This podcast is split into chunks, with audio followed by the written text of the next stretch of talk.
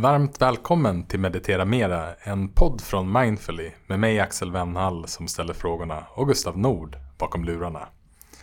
Vi befinner oss i Stockholm och ska träffa Margareta Öström för att prata om meditation och hållbart ledarskap. Margareta Öström är civilekonom och har en master i personal management från London School of Economics. Hon är även utbildad mindfulnessinstruktör genom originalprogrammet Mindfulness Based Stress Reduction och ICF-certifierad coach. Margareta har skrivit boken Hållbar hjärna med mindfulness. Hur du går från omedvetet till målmedvetet självledarskap. Hon har 20 års chefserfarenhet och arbetar som organisationskonsult inom det arbetspsykologiska området. Hon är VD och grundare av Leading Insight som hjälper bolag och ledare att nå ett hållbart ledarskap. Och meditation och hållbart ledarskap är precis det vi ska prata om med Margareta idag. Vad är det och hur kan vi uppnå det med hjälp av mindfulness? Hur mycket kan vi påverka själva och vad är organisationens roll? Hur kan vi lära oss att bryta vår reaktivitet? Varför är det viktigt att lära känna den mörka sidan av ens personlighet? Och vilka tips har Margareta till alla oss som vill meditera mera?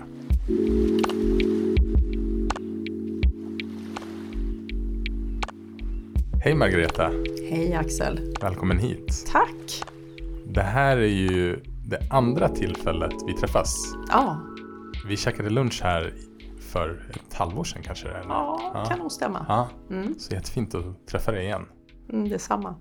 Och vi ska ju prata om meditation och hållbart ledarskap som Mm. du jobbar med. Men innan vi djupdyker in i dagens ämne så tänkte jag att vi kunde inleda med en eh, landningsmeditation om det är okej. Mm, lyxigt. Mm. Så jag tänker att du och jag och Gustav som sitter här vid det här bordet. Vi kan göra den här meditationen. Men också såklart du som lyssnar kan ta del av den. Och om du som lyssnar har möjlighet att stanna upp i ett par minuter bara så gör det. Du kan göra den här meditationen om du är ute och går också. Om du kör bil så skulle jag rekommendera dig att ha uppmärksamheten på bilkörningen. Och om du vill så kan du sluta ögonen.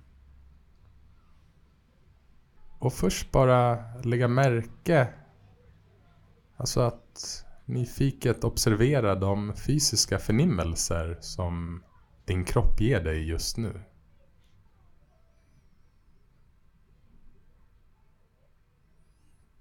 Så att du riktar uppmärksamheten inåt i kroppen.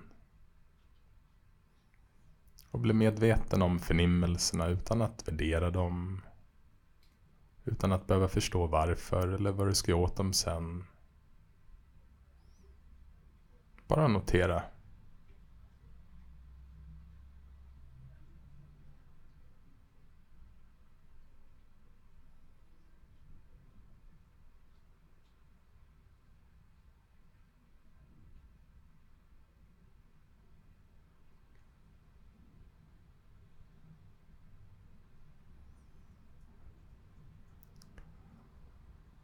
Och sen kan du uppmärksamma om du har någon eller några känslor närvarande.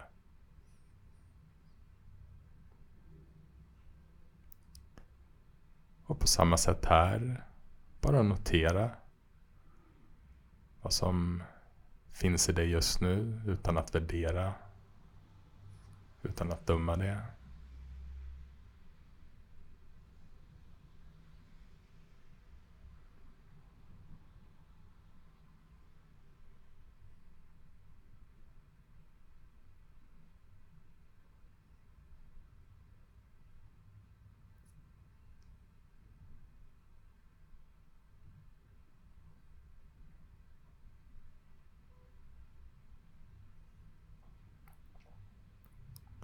Och sen kan du rikta uppmärksamheten mot de eventuella tankar som du har. Bara vara som ett nyfiket vittne.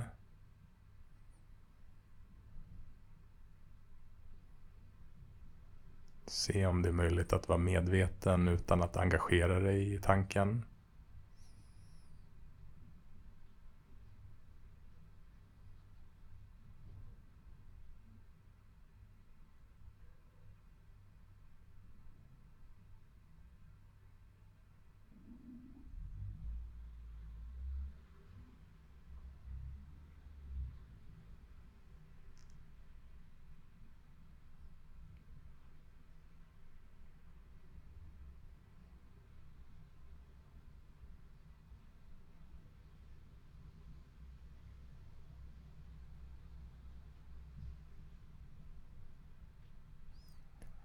Sen kan du rikta tillbaka uppmärksamheten till den plats där du befinner dig.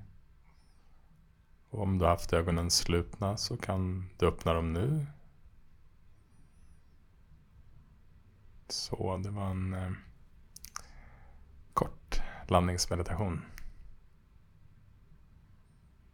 Hur mår du Margareta? Oh. Jag tänker att så här borde man börja varje möte man har på jobbet. Så mm. tänker jag. Dit mm. gick min association just nu. Eftersom vi ska prata om hållbart ledarskap. Det är en arbetsmiljö. Mm. mm. Jag tänker att en fin inledning på vårt samtal är att vi börjar där du började meditera. Mm. Så var befann du dig i livet och när upptäckte du meditation?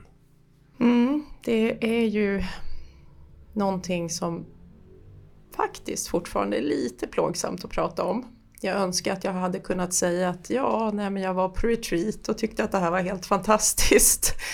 Eh, men det var ju en ganska tuff del av mitt liv. Eh, ganska länge sedan nu, men eh, då var jag i en period eh, och det är inte för att jag försöker säga något dumt eller hårt om mig själv men jag kan bara konstatera rationellt att jag var fullständigt omedvetet inkompetent och ohållbar.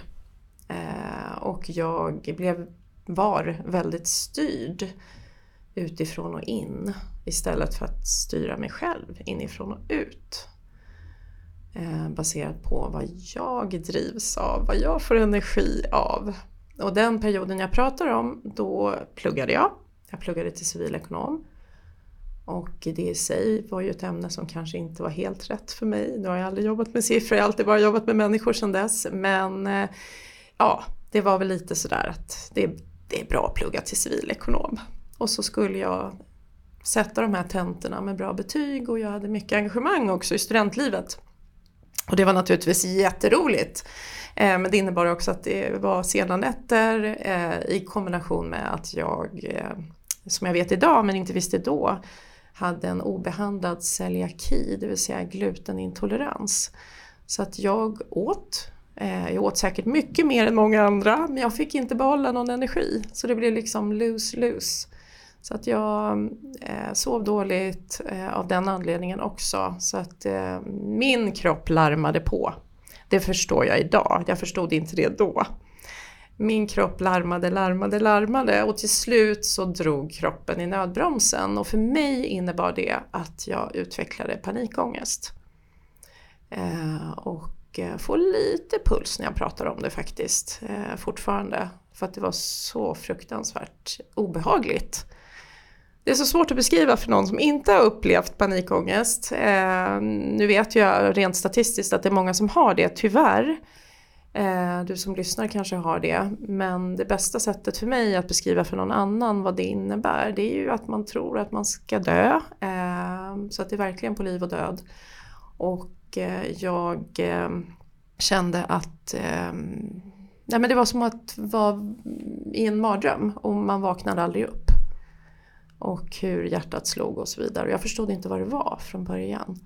Och jag hamnade i vad man bara hade då, då hade man ju bara medicinering. Så att jag fick medicin och jag ville inte ta medicin. Eh, sen har jag alltid tränat väldigt mycket så att jag läste på och insåg att det var innan Anders Hansens fina böcker. Eh, men läste på och insåg att ja, jag får fortsätta med min träning för att må bättre. Och jag mådde bättre. Om jag hade sprungit tre gånger i veckan så sprang jag liksom sex gånger i veckan istället. Och jag märkte absolut att jag blev bättre, men jag blev inte bra. Och sen vid något tillfälle så fick jag ju då ett kassettband. Och nu vet jag att jag tappar alla lyssnare under 30 när jag säger det här. Men eh, låt kalla det en ljudfil eh, med meditation eh, som jag fick av min kära mamma. Eh, och hade jag inte mått så dåligt hade jag faktiskt inte tackat ja till det här kassettbandet. Jag tog emot det motvilligt, jag började lyssna på det motvilligt och det första som hände mig, det var ju att jag eh, bara började storgråta när jag kom i kontakt med mig själv och alla känslor som jag hade bara tryckt undan. Och det var startskottet på min resa i den här världen. Eh, och idag är jag naturligtvis fantastiskt tacksam över att jag blev invigd i den här världen så tidigt i livet. För jag kan se det idag när jag jobbar med många Eh, ledare där ute. Och jag pratar inte bara idag om ledare utan jag pratar också om självledarskap. Så även om du inte har ett personalansvar som lyssnar på det här så är det lika giltigt för dig. Alltså bara självledarskapet. Jag träffar ju många som medarbetare eh, som försöker få ihop livet, ett mer hållbart liv. Eh, men där jag verkligen ser att det här är en sån ingrediens som kan hjälpa och jag säger inte att jag inte förespråkar medicin när man är i ett krisläge. Jag förstår att det är jätteviktigt och att man söker vård. Eh, men jag ser verkligen att det här hjälper. Eh, och kan sannolikt hjälpa många, många fler kopplat till arbetslivet. Mm. Just det som du upplevde en väldigt stark form av smärta. Mm. Så är ju smärta är ju en dörröppnare för många. Mm. Och likaså för mig. Mm. Och nyfikenhet kan ju vara det också. Mm. Men, men smärtan ger ju en sorts, ett verkligt, ett väldigt starkt incitament att mm. ta tag i någonting. Mm. Så på så sätt så det som känns så himla förjävligt på ett mm. sätt kan också bli som en sorts välsignelse mm. på sikt. Verkligen. Men vad var det du upptäckte i meditationen som gjorde ändå att du liksom fastnade för eller att det mm. vart ett verktyg för dig som du haft med dig genom livet? Jag kan väl lite dela upp det, kortsiktiga saker som ehm, det här medförde och även långsiktiga saker. Så på kort sikt så märkte jag ju allt det här som man också kan läsa om. Att meditation bidrar till att vi sänker vår kortisolhalt i blodet. Eh, stress, oro dämpas och det var väl det mest akuta för mig. Och sen då när man får upp näsan ovanför vattenytan så, så kom det också in fler alltså positiva aspekter långsiktigt. Och jag fick möjligheten till att nå fler självinsikter. Alltså jag hade kunskap om vem jag var men jag hade inga djupa insikter eh, om vem jag var och vad jag behövde. Och att verkligen se att när jag till exempel pluggar ekonomi, det tar min energi, det ger inte min energi. Så jag gjorde faktiskt också ett omval där. Jag eh, insåg att jag skulle jobba med människor. Det var det som jag drevs av. Eh, sen förstod jag att jag kunde inte gå ut och söka jobb som, med bara civilekonomexamen och börja jobba med ledarskap och organisation. Så jag fick ju plugga vidare och det är jag också väldigt glad över idag, tacksam att jag tog mig tiden att investera några till år i utbildning, så det blir många år i utbildning. Men jätteglad över såklart idag. Så med det här långsiktiga valen, att jag liksom kom ut från att bara vara en aktör till att bli mer observatör. Jag skapade mig en distans mellan vem jag var, vad jag gjorde och kunde liksom plötsligt se mig själv mer utifrån och förstå samband som jag inte hade sett förut. Som hjälpte mig långsiktigt. Och plötsligt kunde jag fylla på mer energi lite mer varje dag. Som till slut gjorde att jag mådde inte bara bättre utan jag mådde bra igen. Och det är jag jättetacksam för, verkligen. Så att det handlar ju om det korta perspektivet att ja, må bättre i stunden, minska sin stress, öka sitt välmående men också långsiktigt se att ja, jag har ett val. Och jag kan välja någonting som långsiktigt är bättre för mig mm. och vad jag drivs av. Så pratar vi hållbarhet så handlar det ju mer om att jobba med och inte mot sig själv. Jag jobbade väldigt länge mot mig själv och det stressade något enormt, men jag såg det inte. Och det är ju det här som jag, som du förstår, brinner för att jobba med idag. Att hjälpa andra, eh, både medarbetare och ledare, om man nu tänker självledarskapet. Det har ju alla behållning av. Eh, att jobba mer i linje med mina drivkrafter, vad jag drivs av, vad jag får energi av och mina styrkor. Och inte bara jobba emot sig själv, att man ska bli bäst på allt. Det funkar ju inte. Mm. och där har vi också mycket att lära, tänker jag faktiskt, om man jämför idrottens värld med arbetslivet. Det är ju faktiskt sällan så att en fotbollsspelare står på fel ställe och spelar på planen. Alltså det är sådana enkla metaforer att jämföra med eh, och alla känner igen det. Utan man ska verkligen få vara på sin bästa position och jobba med sig själv och inte mot sig själv. Jätteviktigt. Mm. Enkla sanningar, lätt att säga, svårare att göra, det vet jag. Ibland är det här långa processer eh, för många människor, det var det för mig. Men det går att jobba mer nära vad man faktiskt själv står för. Mm. Innan vi kommer in på hållbart ledarskap så är jag också nyfiken. Skulle du säga att ditt syfte med meditationen har förändrats från då när du upptäckte den till idag? Och i så fall, vad är meditation för dig mm. just nu? Mm. Det där tycker jag är en jätteviktig fråga eller frågeställning att ta upp. Ehm, för det jag noterar både hos mig själv och hos många andra eh, det är ju att om man inte har mer än en så kallad, det man kallar inom psykologin, eh, instrumentell intention. Jag kanske säger så här, ja men nu vill jag minska min stress. Så var det ju för mig. Jag vill inte ha de här panikångestattackerna längre utan jag vill minska min ångest, min oro. Eh, har man bara en sån lite mer kortsiktig eh, ja, mål med varför man gör det här. Så så fort man dämpar stressen då är det ju jättelätt att man, man slutar. Och det ser jag, jag ser det hos mig själv, jag ser det väldigt tydligt hos andra. Man behöver ha en lite mer djupare intention med varför man gör det här. Och när jag hittade den så har jag ju kunnat också vidmakthålla eh, min träning. Och även om jag vet att ni vet och ni har hört det förut, men det är ju precis som fysisk träning. Det gäller ju verkligen att hitta de här vanorna som man kan vidmakthålla i vardagen, hur vardagen än ser ut. Lite sådär i ur och skur.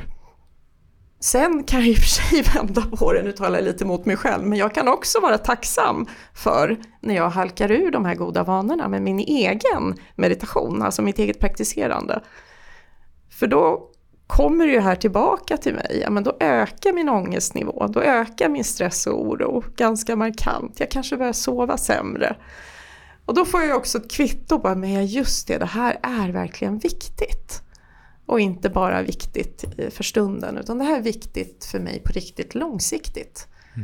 Eh, så att jag försöker att inte vara hård mot mig själv i de lägena och slå på mig själv. Nej men gud vad dålig jag är. Jag är ju till och med mindfulnesslärare och kan inte hålla i min egen rutin. Utan då försöker jag ha lite mer självmedkänsla där och tänka att ja, men vad lärde jag mig av det här? Vad fick jag för insikt kring det här?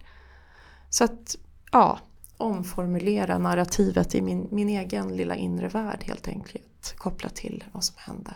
Mm.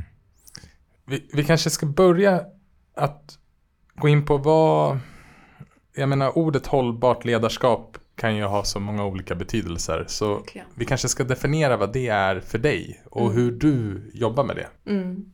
Ja men precis. Och det här är ju faktiskt någonting som jag brukar definiera det på lite olika sätt beroende på sammanhang. Eh, jag håller ju kurser i det här, jag föreläser i det här. Och ehm, utmaningen är ju att man, man får vara lite försiktig också med att använda den här definitionen eller termen. Eh, för det förpliktigar också. Att det är hållbarhet vi pratar om på riktigt.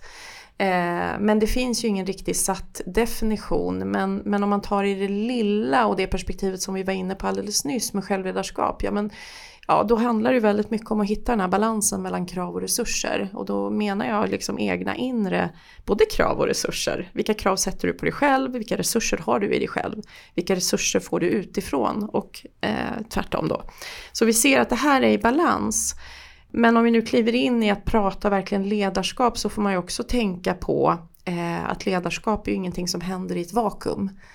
Utan det är ju också väldigt beroende av en organi organisatorisk arbetsmiljö och förutsättningar man får där. Och för ett hållbart ledarskap, om vi nu verkligen pratar ute i en organisation, så handlar det verkligen om att få en balans i samspelet mellan vilka förutsättningar du har i din organisation kopplat till arbetsmiljö och resurser och inre egna resurser. Eh, men idag så tänker jag att vi avgränsar till att prata om självledarskapet och våra egna resurser för annars är ju ämnet kolossalt mycket större. Mm. Jag tycker det är en viktig flagga att liksom lyfta här för, mm. för du skriver ju också om det i din bok att, att det är ju en skillnad på mellan vad individen kan göra och vad mm. som är, finns i organisationen och strukturen. Ja. Och du pratade tidigare om den här metaforen att att en fotbollsspelare som mm. är bättre på att göra mål mm. troligtvis inte kommer spela vänsterback. Men om man som ledare och individ är det ju kanske inte alltid att det beslutet att man själv kan ta det beslutet mm. mm. I, i just den organisationen. Exakt. Så eh, det kanske bara är bra att nämna någonting om det innan vi släpper den delen och går vidare in på självledarskap. Ja, ehm, och jag tänker ibland blir det ju eh, lite kritiska röster kopplat till eh, att man hela tiden ska stärka individens inre resurser. Och när man säger det så menar jag inte i alla fall att det ska vara så att vi stärker individer för att de ska orka ännu mer på jobbet utifrån dåliga förutsättningar och tuffa förutsättningar. Absolut inte. Eh, och det är också min erfarenhet när jag till exempel har eh, eh utbildat i hållbart ledarskap för olika individer från helt vitt, vitt skilda organisationer eh, och även myndigheter och inom ja, eh, väldigt bredd på vilka som har gått eh, den här typen av utbildning så ser jag att alla har haft behållning av det och att man verkligen ser att man är mindre i händerna på situationen. Eh, och man inser lite lättare att man har ett val i situationer som man kanske har varit i många gånger förut och där man då inte har insett att man har ett val, precis som jag kände för många år sedan. Tills jag förstod att jag kan påverka, man kan ofta påverka mer än vad man tror. Och ibland är det ju så enkelt som att säga ifrån. Ibland är det så enkelt som att sätta gränser mellan arbete och privatliv. Och, och, det finns många saker som händer i oss, bland annat det här med självmedkänsla som också är någonting som vi tränar på med meditationen. Eh, vi tränar liksom den muskeln i oss som gör att vi blir ofta lite snällare mot oss själva.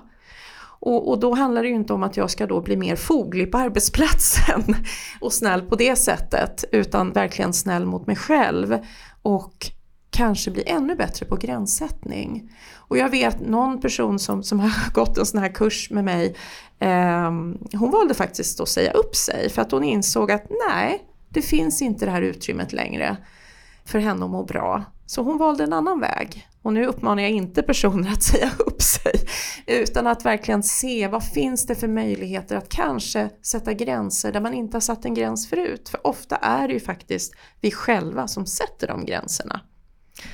Eh, och jag vet också att det är många som tar upp det, att de får höra det. Ja men det är bara du som har höga krav på dig själv. Och jag vet att det är många som kan provoceras när man pratar om det. Eh, men någonstans har ju alla individer också ett ansvar. Mm. Eh, och jag tror också att vi kan faktiskt sätta de här gränserna mer än vad vi många gånger gör idag mm. i arbetslivet. Ja, men jag tänker mig att ett kvitto kvitto på någon sorts inre utveckling är att man lever ett mer autentiskt liv. Exakt. Och ett autentiskt liv innebär ju också att man tar ansvar och att ja. man inte är ett offer utan Nej. att man har möjligheter. Men du som ändå jobbar mot organisationer, mm hamnar du i situationer där du märker att det finns ett glapp mellan vad organisationen säger och vad de faktiskt sen gör utifrån de här frågorna? Att eh, man pratar om hållbart ledarskap men sen i själva fallet så ger man inte förutsättningar för det. Absolut, så är det ju. Och det är ju, ja, det, det, tror jag nog att eh, alla kanske har på något sätt kommit i kontakt med, att man inte är kongruent. Alltså man säger en sak, man gör en annan. Eh, och eh, jag kan ta ett exempel, nu är detta för några år sedan. Eh, det var en advokatbyrå som jobbade väldigt fokuserat med hållbarhet och framförallt för kvinnor. För när kvinnorna då skaffade barn så blev det plötsligt ändå en ohållbar situation. Och så satsar man då i alla fall utåt sett satsade man väldigt mycket på en hållbar arbetssituation för de här kvinnorna. Men eh, under den perioden i alla fall så vet jag att de tappade 100% av kvinnor när de hade haft, eh, nu ska vi se, vid andra barnet. Mm. Så tappade de 100% av sina jurister, kvinnor. Eh, så att det, det, var ett väldigt extremt exempel på när det fanns då en stor diskrepans mellan vad man sa utåt och hur det verkligen var i verkligheten. Men absolut kom jag i kontakt med det. Mm. Absolut. Jag tänker också att um, du som rör dig i väldigt högpresterande miljöer, hur tas meditation och mindfulness emot där för dig? Ja, det där är faktiskt en, en viktig fråga och eh, jag kan ärligt säga att jag eh, väljer kanske den, den lätta vägen ibland. Eh, för jag märker att vissa organisationer ser det här som mer laddade ord. Och på ett sätt kan jag förstå det. Utmaningen med både mindfulness och ordet meditation är ju att det är väldigt abstrakt för många människor. Det var det för mig också. Eh, så jag kan väl vara lite glad över att jag har en hög igenkänningsfaktor där själv. Att det här betraktas som eh, flummigt, eh, abstrakt och framförallt när det premieras så starkt i vårt samhälle att vi ska ha ett högt tempo. Och vi har ju en enormt stark prestationsorientering. Det är det som är normen i samhället. Och det går ju helt emot normen att sitta still och inte göra någonting. Och eh, när man förstår att det här faktiskt är en, en eh, ett aktivt val och att det faktiskt inte är att sitta still och inte göra någonting så, så, så blir det naturligtvis skillnad. Eh, men jag tror eh, att det här får lite starkare abstraktionsnivå för många människor därför att det här faktiskt är upplevelsebaserat. Du måste själv prova. Och sen finns det de som provar en gång och så ger de upp. Eh, men det är ju faktiskt en upplevelsebaserad form av förmåga man kan träna. Det är ju en inre resurs som du når, alltså att vara mindful med hjälp av meditationen. Och att hitta den inre som är en naturlig resurs i oss. Har man inte fått smaka på den så tror jag att det är svårare att faktiskt eh, förlika sig med tanken att man ska sitta still och göra ingenting, som många säger till mig. Mm. Mm. För, för, du berättade för mig tidigare också att du ibland använder andra ord som ja, fokusträning och ja uppmärksamhetsträning och så vidare. Idag är det ju väldigt eh, stort fokus på eh, hjärnforskning. Eh, det kallas ju ett av de nya Big Science. Tack vare att vi har ny avbildningsteknik så har vi fantastiskt mycket mer eh, spännande studier som också visar vad som faktiskt konkret händer i hjärnan på cellnivå. Eh, och när vi pratar mer fakta, när vi pratar mer forskning, eh, när jag använder begrepp som fokusträning, att du tränar ditt uppmärksamhetskapital, vilket är så viktigt eftersom vi lever i ett distraktionssamhälle, då är det lättare att nå fram hos många. Och vi är ju väldigt rationella i västvärlden generellt. Vi behöver ha lite fyrkantig vetenskap och fakta för att vi ska vara öppna för att prova. Mm. Så Absolut, om jag inte går den vägen så märker jag också när jag till exempel föreläser att man får frågor. Ja men vad händer i hjärnan konkret? Berätta Margareta. Och då gör jag det naturligtvis. Mm. Eh, och idag har vi ju ett forskningsläge som är helt fantastiskt för det finns så mycket att ösa ur så att är någon intresserad så, så har vi ju väldigt mycket fakta som vi kan och även visa bilder på hur det faktiskt ser ut när vi skannar av hjärnan. Att vi faktiskt stärker många av de nätverk i hjärnan som har med våra exekutiva förmågor att göra. Det vill säga planering, informationssortering, beslutsfattandet och allt det här som är mer ja, men strategiskt kapital. Eh, och det är ofta de förmågorna som är extra viktiga eh, åtråsvärda för just ledare. Att man, man verkligen behöver dem. De ställs på prov varje dag. Så som vi jobbar idag. Mm. Eh, och att vi faktiskt också försvagar kopplingen till vissa nätverk som har mer med det reaktiva och impulsiva att göra. Som också kan göra att vi eh, hamnar i mer ja, impulsiva beslut som kanske inte gagnar organisationen baserat bara på känsla och ingivelse. Eh, så för att också vara mer långsiktig, strategisk, så behöver vi faktiskt odla de här eh, nätverken mycket, mycket mer. Som också en kontrast till hur samhället i stort ser ut idag. Och det är lite häftigt, det är också någonting som jag brukar hänvisa till när jag pratar. Att vi vet att det är en högre förändringstakt, vi vet att det ställs högre krav på Eh, våra hjärnor idag, våra kognitiva förmågor. Eh, men om man tittar lite internationellt, om man i alla fall jämför Europa, så vet vi att ja, men Sverige ligger på tredje plats eh, när det gäller just så kallade brain jobs, eller kunskapsintensiva jobb. Så absolut, vi har spritt över hela Sverige, det är inte ett storstadsfenomen utan spritt över hela Sverige så har vi den typen av jobb. Så att innan när vi blev utarmade liksom muskulärt eller kroppsligt så blir vi ju det mentalt idag. Eh, så vi behöver ju också som en motvikt, motbalans till det här träna de här förmågorna. Mm. Eh, så att vi inte bara hamnar i händerna på impuls och händelsestyrt brandkårssläckningar som ledare ofta brukar säga. Att man bara snurrar runt, man bara liksom plaskar runt i bruset på all information och allt som händer. Eh, och istället då träna det här så att vi också ser att vi kan styra mer än vad vi blir styrda. Mm. Och det kan också låta provocerande för någon som har det väldigt tufft.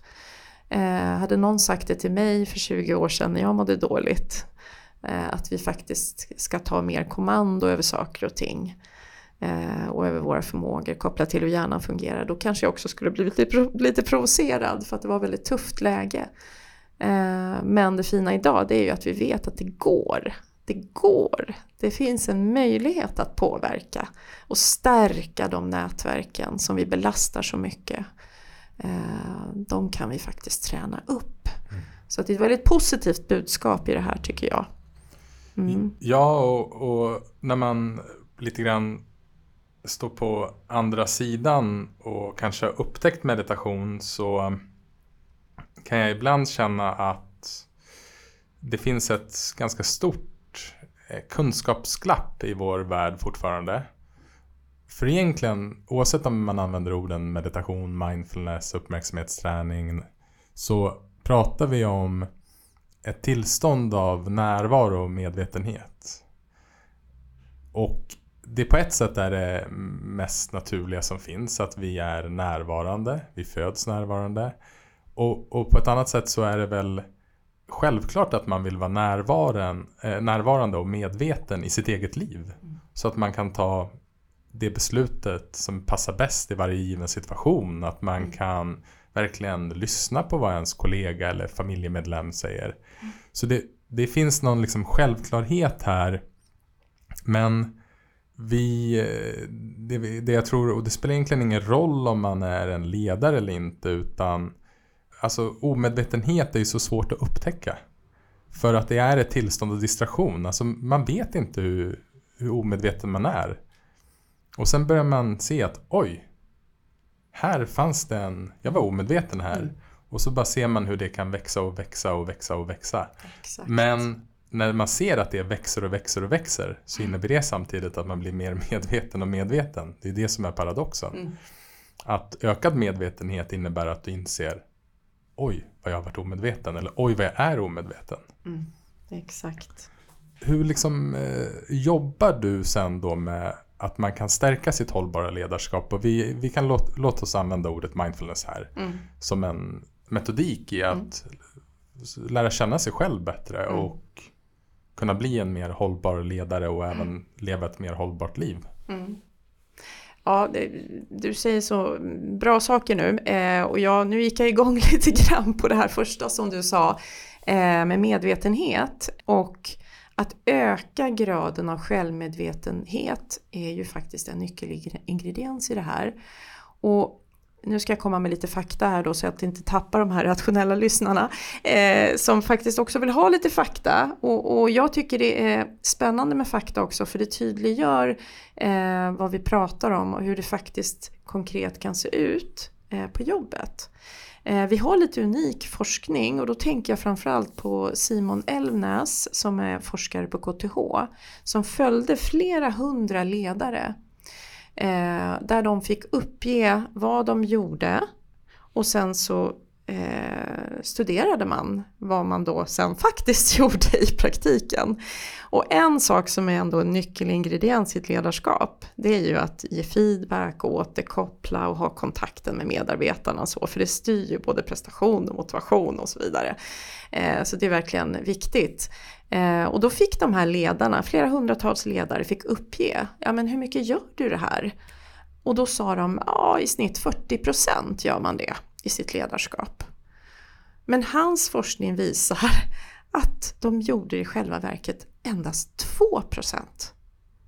Så en enorm diskrepans mellan vad vi kanske tror att vi också gör men vad vi i praktiken, alltså det är en jättediff här. Och det här tycker jag är ett jättebra exempel på det du pratar om nu, att vi faktiskt ofta har en diskrepans mellan, som kan vara ganska stor, mellan vad vi tror att vi gör på jobbet jämfört med då vad vi faktiskt utför i praktiken. Så han och andra har ju studerat det här och, och, och, ofta kommer vi faktiskt till att vi har en för låg grad av självmedvetenhet. Och, och det handlar inte bara om vad man faktiskt utför på jobbet utan också medvetenhet kopplat till tankar, känslor och allt det här inre som faktiskt styr vårt yttre. Och det här med att ha koll på eh, att ja, men hjärnan har den här negativitetsbiasen, att vi är partiska mot det negativa. Eh, och hur det styr oss och att vi faktiskt har en vandrande tankemaskin här uppe. Alltså hjärnans tendens att vandra i tid är ju jättestark. Mm. Eh, och, och parar vi ihop de här två då, att hjärnan är partisk mot det negativa för vår överlevnadsskull, det ska skydda oss eh, med att vi har en vandrande tankemaskin, ja men då vandrar ju tankarna mest åt det negativa, den negativa riktningen. Och, och bli mer medveten om det bara i sitt ledarskap, eller självledarskap. Eh, få syn på det här. Eh, det tycker jag är otroligt viktigt. Eh, och bli medveten om. För då behöver vi också inse vilka mekanismer som styr eh, vårt beteende och som ytterst styr vilket resultat vi får på jobbet. Jag tänker en annan dimension i exakt samma, eh, på exakt samma tema som du pratar om som är kopplat till den forskningen som du Mm. presenterade är ju också att tankarna som, som uppstår som hjärnan producerar inte bara rör sig till det framtida och förflutna och inte bara är negativa och söker efter problem utan de är också väldigt jag-centrerade. Ja. Vilket, gör ju, vilket förklarar kanske lite grann också varför ledare tror att de tillägnar 40% att ge andra uppmärksamhet men i själva verket gör det 2%. Ja, Och så är det på ett sätt att vara människa. ja, Men det är ju väldigt intressant att få nys om det för det är först när man får nys om det som man kan börja göra annorlunda. exakt. Exakt. Yes. Ja. ja, nu har jag massa tankar här. Men, men någonting som jag också vill liksom återkomma till. Nu har vi pratat om eh, självkännedom och alltså inte jobba mm, mot utan jobba med sig själv. Eh, och vi agerar ju sällan på kunskap, vi agerar på egen insikt. En djupare insikt behöver vi nå om oss själva. Inte bara ta koll på vad jag behöver utan verkligen omvandla det också till en djupare insikt. Ja, men hur ska jag göra då? Eh, så självinsikten är ju jätteviktig. Jag brukar faktiskt prata om de fyra S'en. Självinsikt och sen det andra S är ju det vi precis har pratat om med självmedvetenhet. Att bli mer medveten och närvarande eh, i det vi gör. Eh, och där är mindfulness fantastiskt. Det kan ju verkligen öka graden av självmedvetenhet och vad som pågår. Men också självreglering, det tredje S. Självreglering, vi tränar ju också hjärnans broms. Det här med att inte bara vara fast i bruset, inte vara reaktiv utan bli mer proaktiv. Det här impulsiva som kortsiktigt kanske är jättebra för oss. Eh, men långsiktigt hållbart, är det verkligen det? Sällan. Du skriver i din bok då om ett verktyg som du skriver som heter Bryt. Ja. ja vill ja. du berätta lite kort om det? Ja, nej men precis. Eh, självreglering, det handlar ju ofta om, det kallas det gap på engelska. Eh, men brytfunktionen, att skapa ett glapp mellan det som händer och hur vi reagerar på det. Att skapa, liksom, sätta den här reflexmässiga autopiloten ur spel. Och det är ju fantastiskt att plötsligt inse i en situation som vi kanske har varit i många, många gånger förut. Att plötsligt inse att jag har ett val. Så den här medvetna närvaron ger ju ofta utrymme för mer medvetna val. För att vi då inte reagerar reflexmässigt på den där jobbiga känslan eller tanken som dyker upp i oss. Utan att vi eh, faktiskt eh, eh, ser att vi kan välja att göra annorlunda. Mm. Och då, då hamnar vi mer i förarsätet också. Eh, mindre reaktiva, mer proaktiva, mer strategiska, mer långsiktiga, mer hållbara över tid. För att vi väljer ofta det som är bättre för oss än vad vi kanske har gjort tidigare. En sak som jag tänker på när det kommer till bryt som eh, är ju, alltså där finns ju verkligen potentialen för frihet ja. och, och mognad som människa. Att mm. kunna lära sig mm. att vara i the gap eller det här mellanrummet mm. mellan stimuli och reaktion. Men en sak som, liksom, som jag tänkt på ganska mycket och som jag noterat i mig själv är att i teorin kan det gå, låta ganska enkelt. Mm. Men det man ibland kanske glömmer bort och även jag glömmer bort är att om du vill vara i bryt så kommer du själv behöva betala ett pris. Mm. Och det är att du måste äga och ta ansvar och känna den här jobbiga känslan mm. fullt ut. Mm. Du måste ge den din fulla uppmärksamhet. Mm. För det som händer är att den är, den är så jobbig att känna. Mm. Så därför på något sätt kopplas en autopilot på som gör att vi riktar ut vår uppmärksamhet och projicerar ut den känslan på mm. någon annan. Jag tror de flesta av oss som lyssnar på det här känner igen att känslan att man blir skitförbannad på någon mm. annan. Mm. Och det är ju för att man på ett sätt inte klarar av att härbärgera sin känsla i kroppen. Mm. Och det är så mycket lättare och på ett sätt lite skönare att rikta ut den och mm. liksom, ja men det här är mm. ditt fel för att jag mm. känner så här. Så att det är någonting också en, en träning i att, att kunna rikta uppmärksamheten på ett på det här sättet, på det här väldigt tillåtande, vänliga sättet. Och att känna känslan fullt ut och kunna vara med den för att sen kunna välja annorlunda. Mm. Exakt, exakt. Hur är det för dig? Ja, eh, någonting som jag eh, i vissa situationer fortfarande kämpar med varje dag. Absolut, och det var väl också lite tillbaka till min bakgrund där, att trycka undan känslan, köra på. Ja. Eh, känner igen det hos många jag möter också i arbetslivet, att vi har det här undvikande beteendet. Det är jobbigt att sitta med känslan. Många gånger när jag träffar eh, ledare eller medarbetare för den delen som eh, provar på eh, att meditera känner att det är en rastlöshet och också förenat med en obehagskänsla att sitta still mm. som de gärna undviker.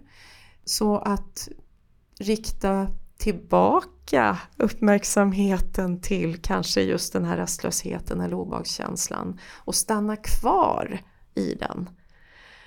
jättejobbigt för mig för, för många år sedan. Jag har lättare för det idag. Jag inser att det är verkligen en träningsfråga. Men det tar tid och eh, vi, vi flyr ju gärna undan det som är obehagligt. Eh, och sen kan man ju fly på olika sätt. Eh, ofta är det ju att vi eh, kanske blir utåtagerande, vi kanske skriker på barnen eller vad det nu är. Eh, men också att vi, vi kanske jobbar hela kvällen för att då slipper vi också känna det här mm. som pågår inombords. Eh, så vi flyr, eh, eller vi kanske flyr till helt andra saker, alkohol eller andra delar som, som kan lugna det här jobbiga för stunden. Och ja, det, det är en resa man, man behöver göra, man behöver utmanas. Eh, det blir lättare ju mm. mer man tränar, så jag vill verkligen säga det med en fas. Det blir lättare och lättare. Eh, och jag pratade ju innan om, om 4S, nu har jag pratat om 3S. Exakt, vilket är det fjärde S? Ja men det fjärde S, jag vill bara säga det, jag har nämnt det här i början, men, men självmedkänsla. Mm. Och, och jag tycker det är mycket som kokar ner till det faktiskt. Att ge sig själv självmedkänsla, ge sig själv den kärleken man behöver och en av de viktigaste frågorna när det gäller mindfulness det är ju faktiskt vad behöver jag just nu? Inte fokus på jobbet, inte fokus på alla andra utan vad behöver jag just nu? Den frågan ställer vi oss ofta för sällan. Och att vända kanske, nu sa du att vi var, var självcentrerade men det här är självcentrerat på ett positivt sätt att se vad kanske jag behöver just nu som jag inte har gett mig förut. Det bottnar ofta i det. Så de fyra S har jag också sett eh, och jag vet att det finns svensk forskning på det här också. Eh, Kristin Mellner till exempel som jobbar med hållbart ledarskap eh, har gjort en studie där hon just tittade på inre egenskaper och såg att de som var mer hållbara de hade en högre grad av självmedkänsla. Och just det här med att faktiskt vara snäll mot sig själv, ge sig själv kärlek och hitta det här som är viktigt för mig, sätta de gränser som är viktiga för mig. Så ledare med högre grad av självmedkänsla har lättare för att till exempel inte vara på jobbet mentalt när man är då fysiskt är ledig och är hemma och att sätta generellt gränser mellan arbete och privatliv. Så att träna självmedkänsla i meditationen är ju också en otroligt viktig del. Otroligt viktig komponent. Mm. Och jag tänker den här självmedkänslan den finns ju på flera olika dimensioner. Mm. Den ena är ju att kunna alltså, vara med sin upplevelse på ett mer vänligt sätt. Mm.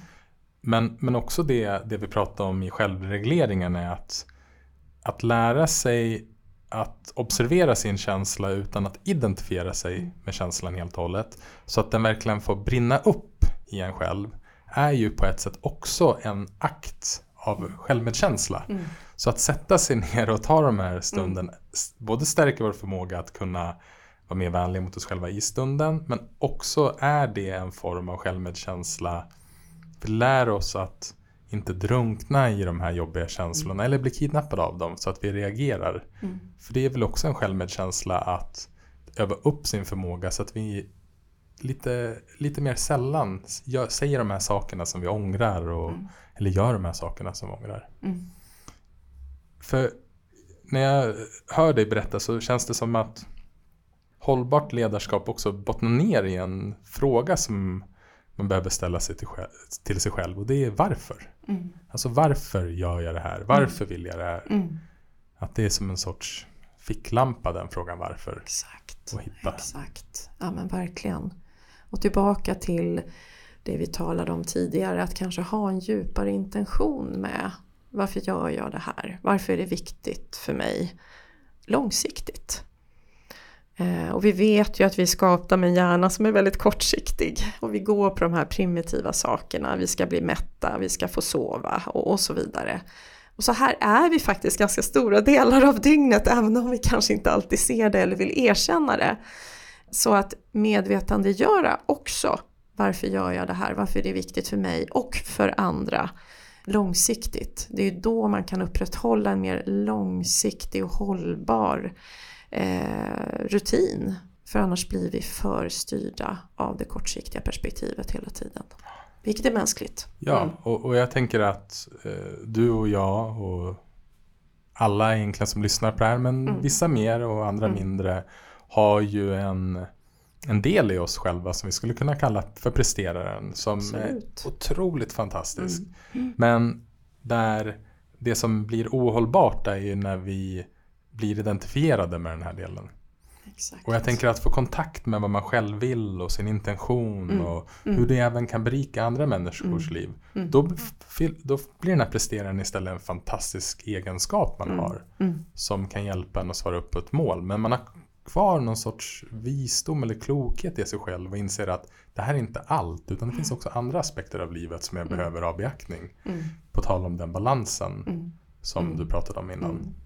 Jag är också lite glad över, nu lutar jag mig igen mot, mot eh, aktuell forskning, men jag är väldigt glad över att vi pratar mycket liksom, eh, det här med psykologisk trygghet.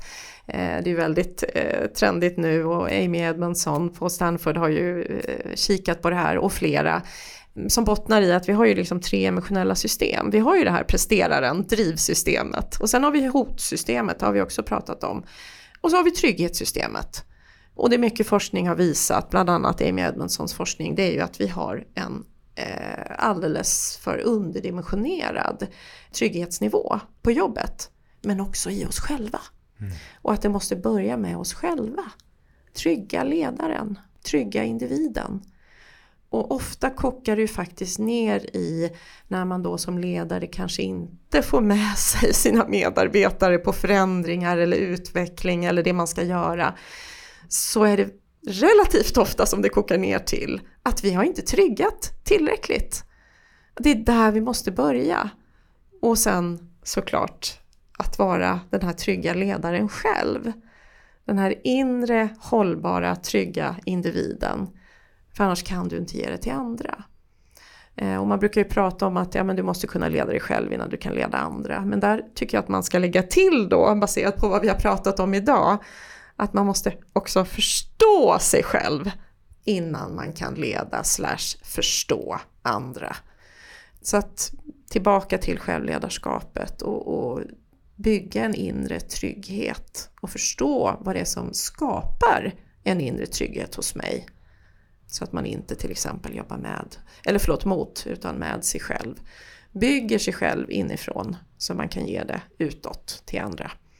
Så att jag är väldigt glad över att vi har fått så viktiga saker i fokus eh, och snackar och pratar och ja, utvecklar organisationer och ledare med hjälp av de här insikterna. För det tror jag kommer berika väldigt mycket. Och där ser jag verkligen att mindfulness är ju någonting som kan stärka hela det emotionella trygghetssystemet på individnivå men också på organisationsnivå. Eh, så att vi får en bättre balans. För självklart ska vi prestera och vi ska optimera och så vidare.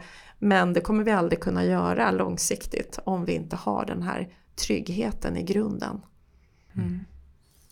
En annan sån här sak som jag tänker att en form av ökad medvetenhet kan leda till är ju också att upptäcka att när vi är i vårt presterarläge så har vi ganska svårt att släppa kontroll. Mm. Och en, en sorts inre frihet är ju att börja bli mer medveten om det vi inte kan förändra. Alltså mm. vad vi inte kan påverka. Mm. Och lära oss att släppa taget om det. Mm. För jag upplever i alla fall, så var det för mig och jag upplever det när jag liksom hör hur andra, vad de egentligen blir stressade över. Mm. Där de kan fastna är i ett, att man har en, ett mål. Mm. Men målet är baserat på någonting som de själva inte kan kontrollera. Mm. Så att man har, man har liksom satt målet i ett, ett yttre mål mm. istället för att man har ett inre mål. Mm. Hur, hur upplever du det som, upple som jobbar med ledare? Ja, nu är du inne på det här med också autonomi, eh, grundläggande behov, att vi verkligen känner att vi har eh, autonomi över vår liksom, eh, vårt arbete till exempel, men även i privatlivet naturligtvis.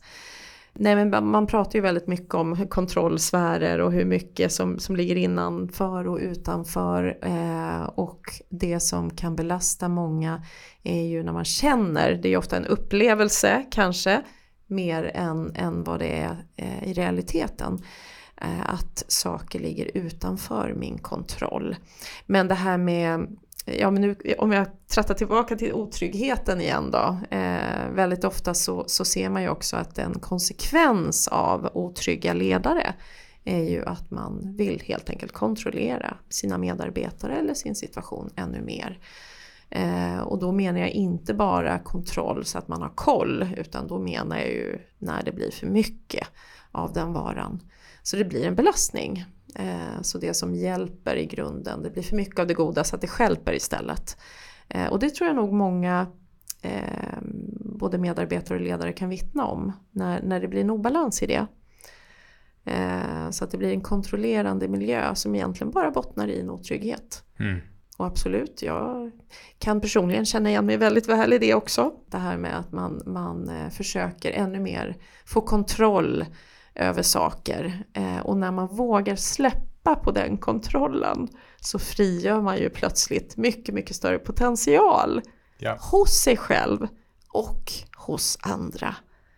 Men ibland kan det ju verkligen sitta långt inne att våga, mm. våga eh, nå den insikten och våga agera på den insikten. Eh, så det är verkligen en, en utmaning hos många och eh, ja, en stor del av ledarskapet är ju faktiskt eh, för mycket kontroll. Mm. Mm. Och även tänker jag när det kommer till de här IT-resultaten. Jag behöver påminna mig så många gånger ja. om när jag har förflyttat fokuset mm. till att någonting visst ska hända och sen inser jag men och, och, och, det som det skapar är en sorts oro eller en sorts stress när det inte inträffar. Mm. Och, och, det är liksom på ett sätt så befriande varje gång att inse att okej, okay, Mm. Men det, jag kan inte kontrollera det här. Mm. Så vad kan jag kontrollera? Mm. Alltså vad mm. kan jag påverka? Mm. Och så finns det en stress där som sen kan släppa taget. Precis. Nu är det svårt att låta bli att prata om acceptans känner jag. det är många liksom tunga och viktiga begrepp som man vill fånga när du pratar. Och acceptansen som också är en jätte, jättestor del av att praktisera mindfulness. Helt avgörande. Helt avgörande till och med. Att bara landa in i hur saker och ting är just nu och inte streta emot. Att föra ett krig mot det som bara är just nu. Och sen vet jag att det ordet associerar också många med att man ger upp eller man lägger sig platt Mm. Eh, men eh, det är ju inte det det handlar om. Det är inte det vi pratar om idag. Hur skulle du beskriva det? Jag tycker den, den bästa definitionen som jag själv har hört och använder. Jag brukar ibland faktiskt använda ordet tillåtelse istället ja. för acceptans. Ja. Men det är att man inte har något inre motstånd mm. mot det som redan är. Exakt. Och eh, jag tycker fortfarande liksom att det som Eckart Tolle har sagt att det är en sån galenskap som vi människor besitter, att vi är emot det som redan är. Det är helt tokigt när man tänker på det. Och så, det gör mig så himla ödmjuk, för jag går ju runt och är emot saker mm. hela tiden, mm. trots att jag mm. jobbar med det här och mm. Eh, verkligen älskar mm. eh, meditation och, mm. och sådär. Och, och, så bara, ah, nej men det, det, där är jag emot, det där är jag emot. Ja. Och, och, men också det kommer vi tillbaka på hur de här olika eh, delarna av mindfulness, då kommer självmedkänslan in. Exakt. Just det, okej, okay, så här är det att vara människa. Och så ser jag det, så är det bara, och när jag ser det så då behöver jag inte vara emot det längre. Nej. Så ja, det, liksom, det växeldrar på ett sätt. Det växeldrar, definitivt. Det, allt hänger ihop. Eh, men jag, jag gillar verkligen också att eh, prata om, när du kommer tillbaka till självmedkänsla, eftersom vi ändå har temat hållbart ledarskap idag. Mm. Och att det i sig är en så stor och viktig komponent för att bli mer hållbar i stort i livet. Ja, och det berikar på så många plan. Eh, och jag vet ju att många kan ha svårt att landa in i det. Därför att man är så fantastiskt ovan att se på sig själv med de ögonen. Mm.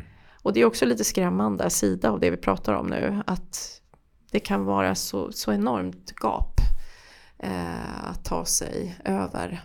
Och, ja, jag är absolut den första att skriva under på att jag har eh, ofta stora utmaningar med just den delen.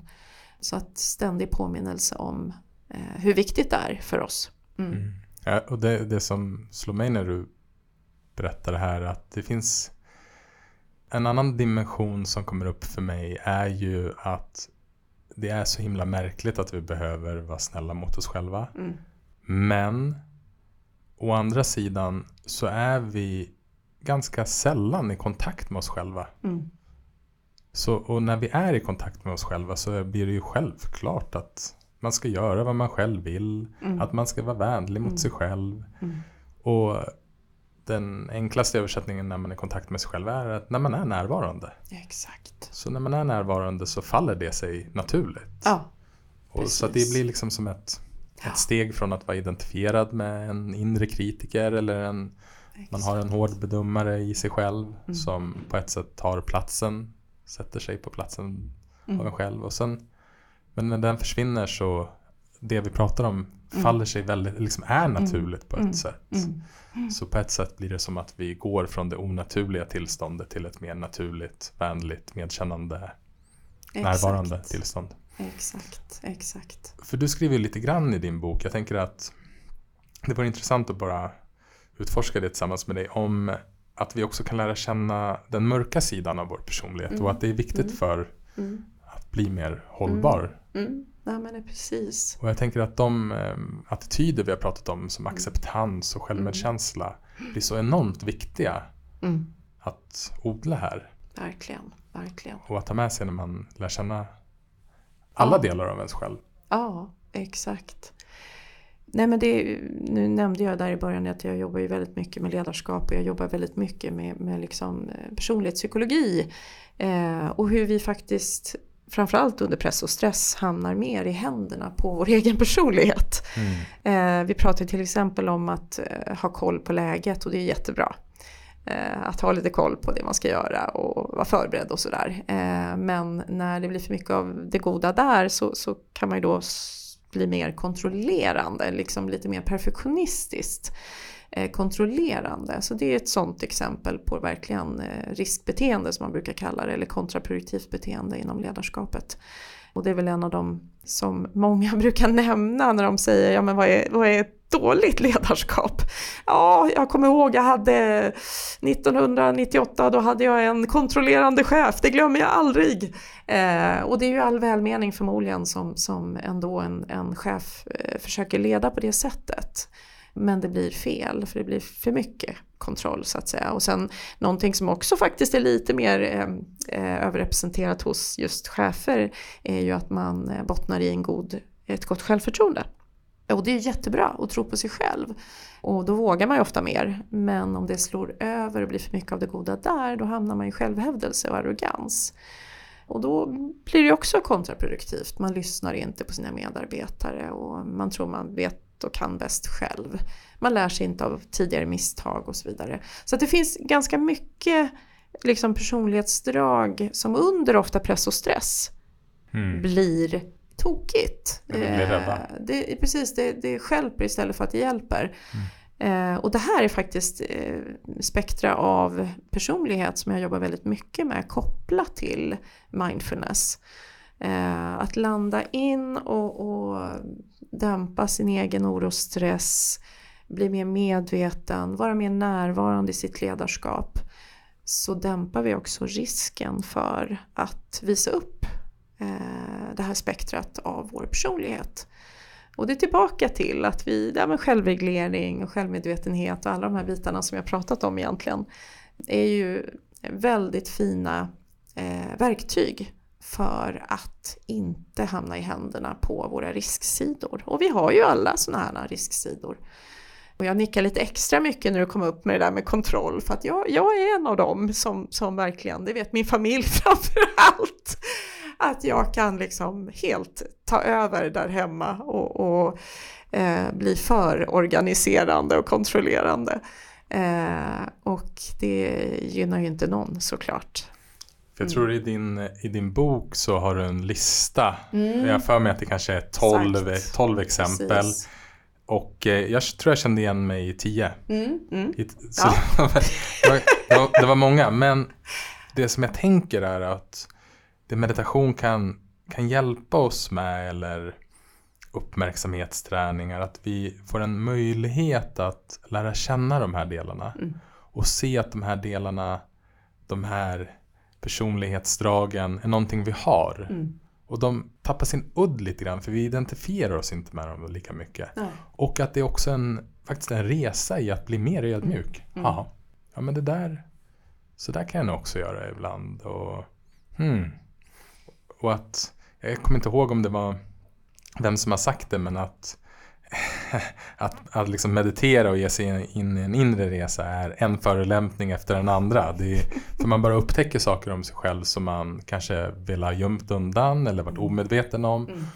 Och inser, ja ah, men just det, jag är också Mm. människa. Jag har de här dragen och alla Mm. de här dragen är inte så himla sympatiska. Nej. Nej. Men att när jag ser det och kan vara med det, självmedkännande och accepterande, Mm. Så definierar de inte mig längre. Mm. Jag behöver inte agera på dem heller. Nej. Och så händer det, okej, då behöver jag förlåta mig själv och kanske Ja. be om ursäkt. Och det är okej. Ja, exakt. Ja, och nu kommer jag faktiskt tillbaka till det här med, eh, jag pratade innan om att vi sällan agerar på kunskap. För många gånger har vi ju kunskap, jag har kunskap om att jag kan bli lite kontrollerande. Men att omvandla det till en insikt om, ja men hur kan jag göra annorlunda? Eh, och inte hamna i händerna på min egen personlighet på det sättet. Det är ju någonting annat. Så att komma till lite djupare självinsikt också om hur vi kan parera oss själva Mm. i sådana lägen. Och ibland kan det ju vara så enkelt eller så svårt, vad vi nu väljer, att bara stanna kvar i känslan.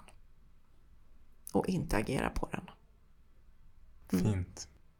Det tycker jag rundar av vårt samtal perfekt. Vi har en del i podden som vi kallar för Fem snabba. Mm. Så bara det första som kommer upp. Om du fick bjuda tre personer, de kan vara levande eller döda, på middag. Vilka skulle du vilja bjuda då? Nu blir det här väldigt starkt för mig. Ehm,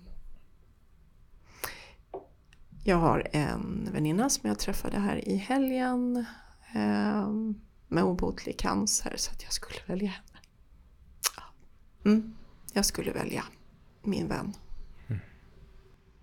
Vilken är din favoritplats på jorden? Det är med min familj, vad den än är. Har du någon bok eller dokumentär som du skulle vilja tipsa om?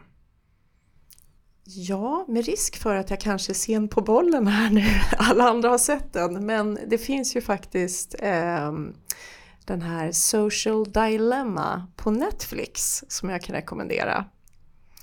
Eh, jag ska inte berätta mer om ni inte har sett den, utan jag ska bara säga med en fas, se den. Ni kommer inte ångra det. The Social Dilemma. Okej, tackar. Vilket är det bästa rådet du har fått? Nu kan jag ju inte låta bli att säga när mamma sa börja meditera. Sista frågan. Vad är du tacksam för just nu? Jag är otroligt tacksam över att jag har mycket kärlek i mitt liv. Mm. Tack för att du ville komma hit och prata om hållbart ledarskap och mindfulness. Jag tänkte som avslutning så ska jag lämna över mikrofonen till dig. Mm. Så ska du få leda oss i en övning. Absolut. Tack. Ja, och eh, ni som lyssnar, nu kan man kanske vara ute och gå. Eh, och det går alldeles finfint att göra den här övningen när man går. Eller kanske står. Eller sitter eller ligger. Det går jättebra vilket som. Men jag tänker att bara börja med att eh, oavsett hur man då, eller var man befinner sig, räta upp kroppen lite så att man eh, ger en signal till hjärnan att nu händer något nytt. Så blir det lite lättare att hålla uppmärksamheten och eh, till alla då som inte går, eh, slut gärna ögonen och är du ute och går så får du gärna rikta blicken mot något som eh, Du fortsätter att titta emot så länge du kan tills du behöver välja ett nytt objekt. För då är det lite lättare att hålla fokus. Och eh, vi börjar med att bara rikta vår fulla uppmärksamhet till kroppen där vi sitter eller står eller går eller ligger just nu. Så bara känn in hela kroppen.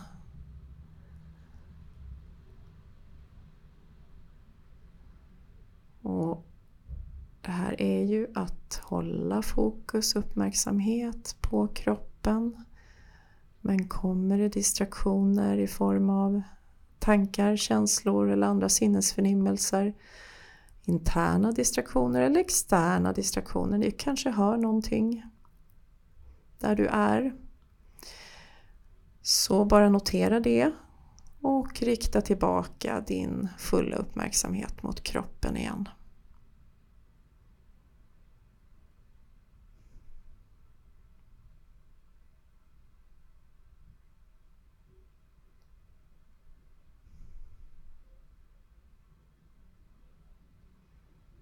Och nu släpper vi vårt fokus på kroppen. Och så identifierar vi det ställe där vi känner vår andning allra tydligast just nu. Och det här är ju olika för olika personer, det är individuellt. Så det kanske är att du känner andningen som tydligast i magtrakten eller någonstans i bröstet eller i halsen, näsan, munnen. Det spelar ingen roll. Välj bara det ställe där du känner din andning som allra tydligast just nu och rikta din fulla uppmärksamhet dit.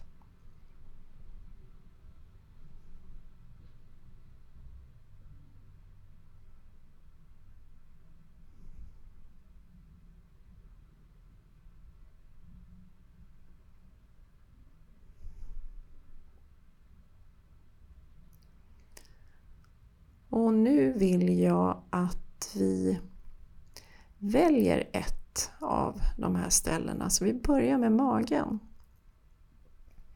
Så nu känner vi in vår andning i magen. Nedre delen av buken.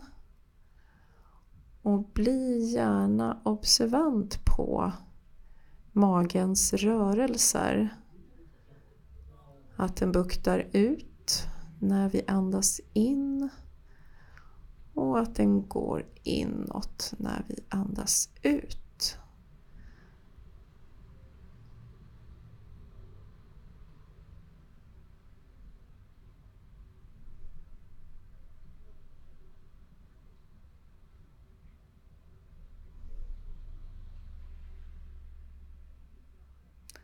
Och nu förflyttar vi oss upp uppåt ett litet steg. Så vi går från magen upp till bröstet. Och bli observant på hur bröstet rör sig när vi andas in och ut.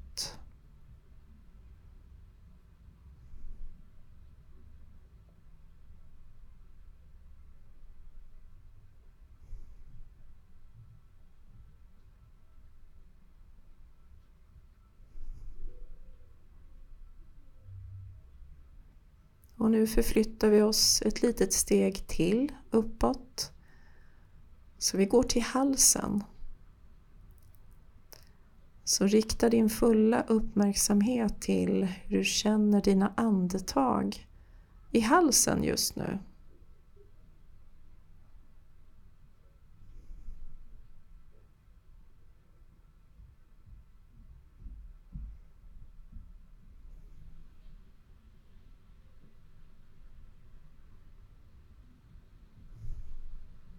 Och när det kommer eventuella distraktioner, inre eller yttre, så noterar vi bara det och så går vi tillbaka till att rikta vår fulla uppmärksamhet till halsen.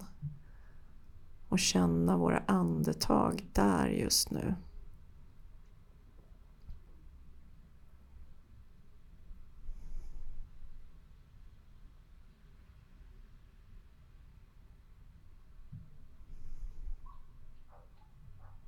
Och så släpper vi vårt fokus på halsen och går upp till näsan.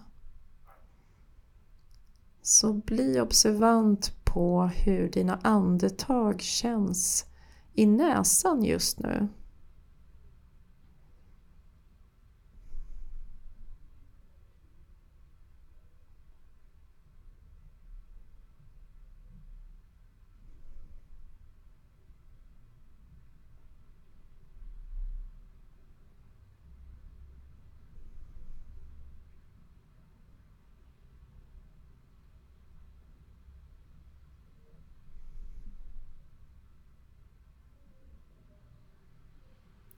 Så rör vi oss pyttelite uppåt till. Vi släpper inuti näsan och går lite ut på nästippen. Och se om du kan observera andetagen ute på nästippen.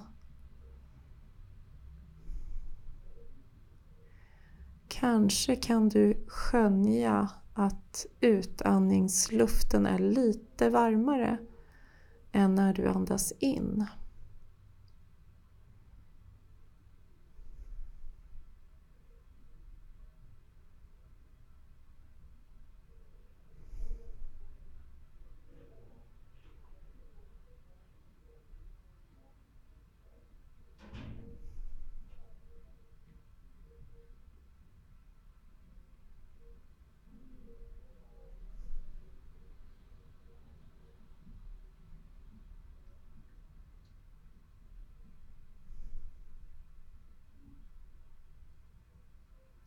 Och så släpper vi vårt fokus på nästippen.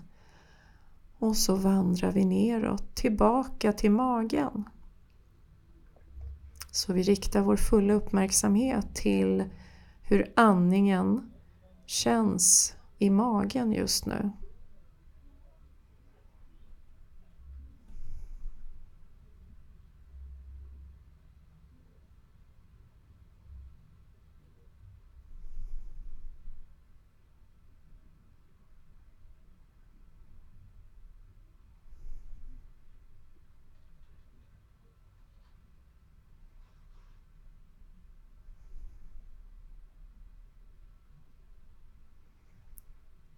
Och nu provar vi att andas ut något långsammare än vad vi nyss gjorde.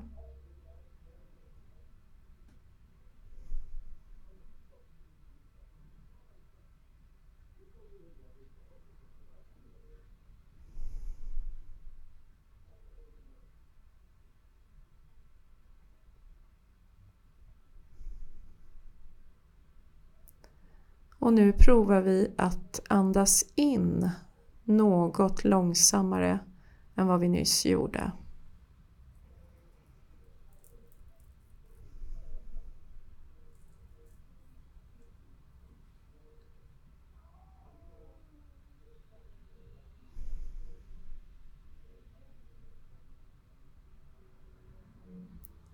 Och nu provar vi att andas både in och ut något långsammare än vad vi nyss gjorde.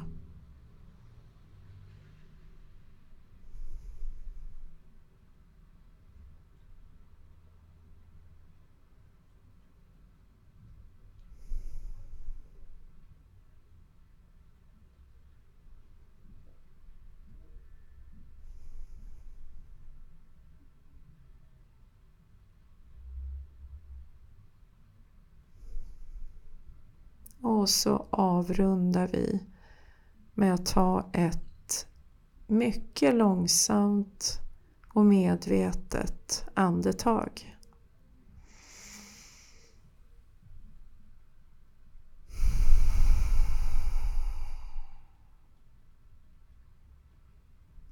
Och så öppnar vi ögonen Eller släpper blicken på det vi tittade på och kommer tillbaka.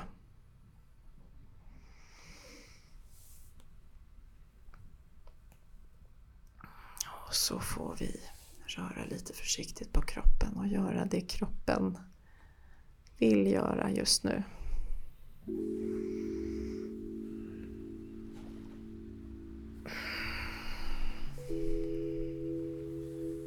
Tack. Tack. Lyxigt. tack för ett fint samtal och tack för den här fina meditationen på slutet också. Tack snälla för att jag fick vara med här idag. Tack för att du har lyssnat på det här avsnittet av Meditera Mera från Mindfully med Margareta Öström. Vi hoppas att du har blivit inspirerad av vårt samtal och av Margaretas meditation. Om du vill komma i kontakt med Margareta hittar du hennes kontaktuppgifter på vår hemsida mindfully.nu. Och är det något vi har tagit med oss från vårt samtal är att börja jobba med sig själv istället för mot sig själv. Tack för att du har lyssnat. Vi hörs snart igen.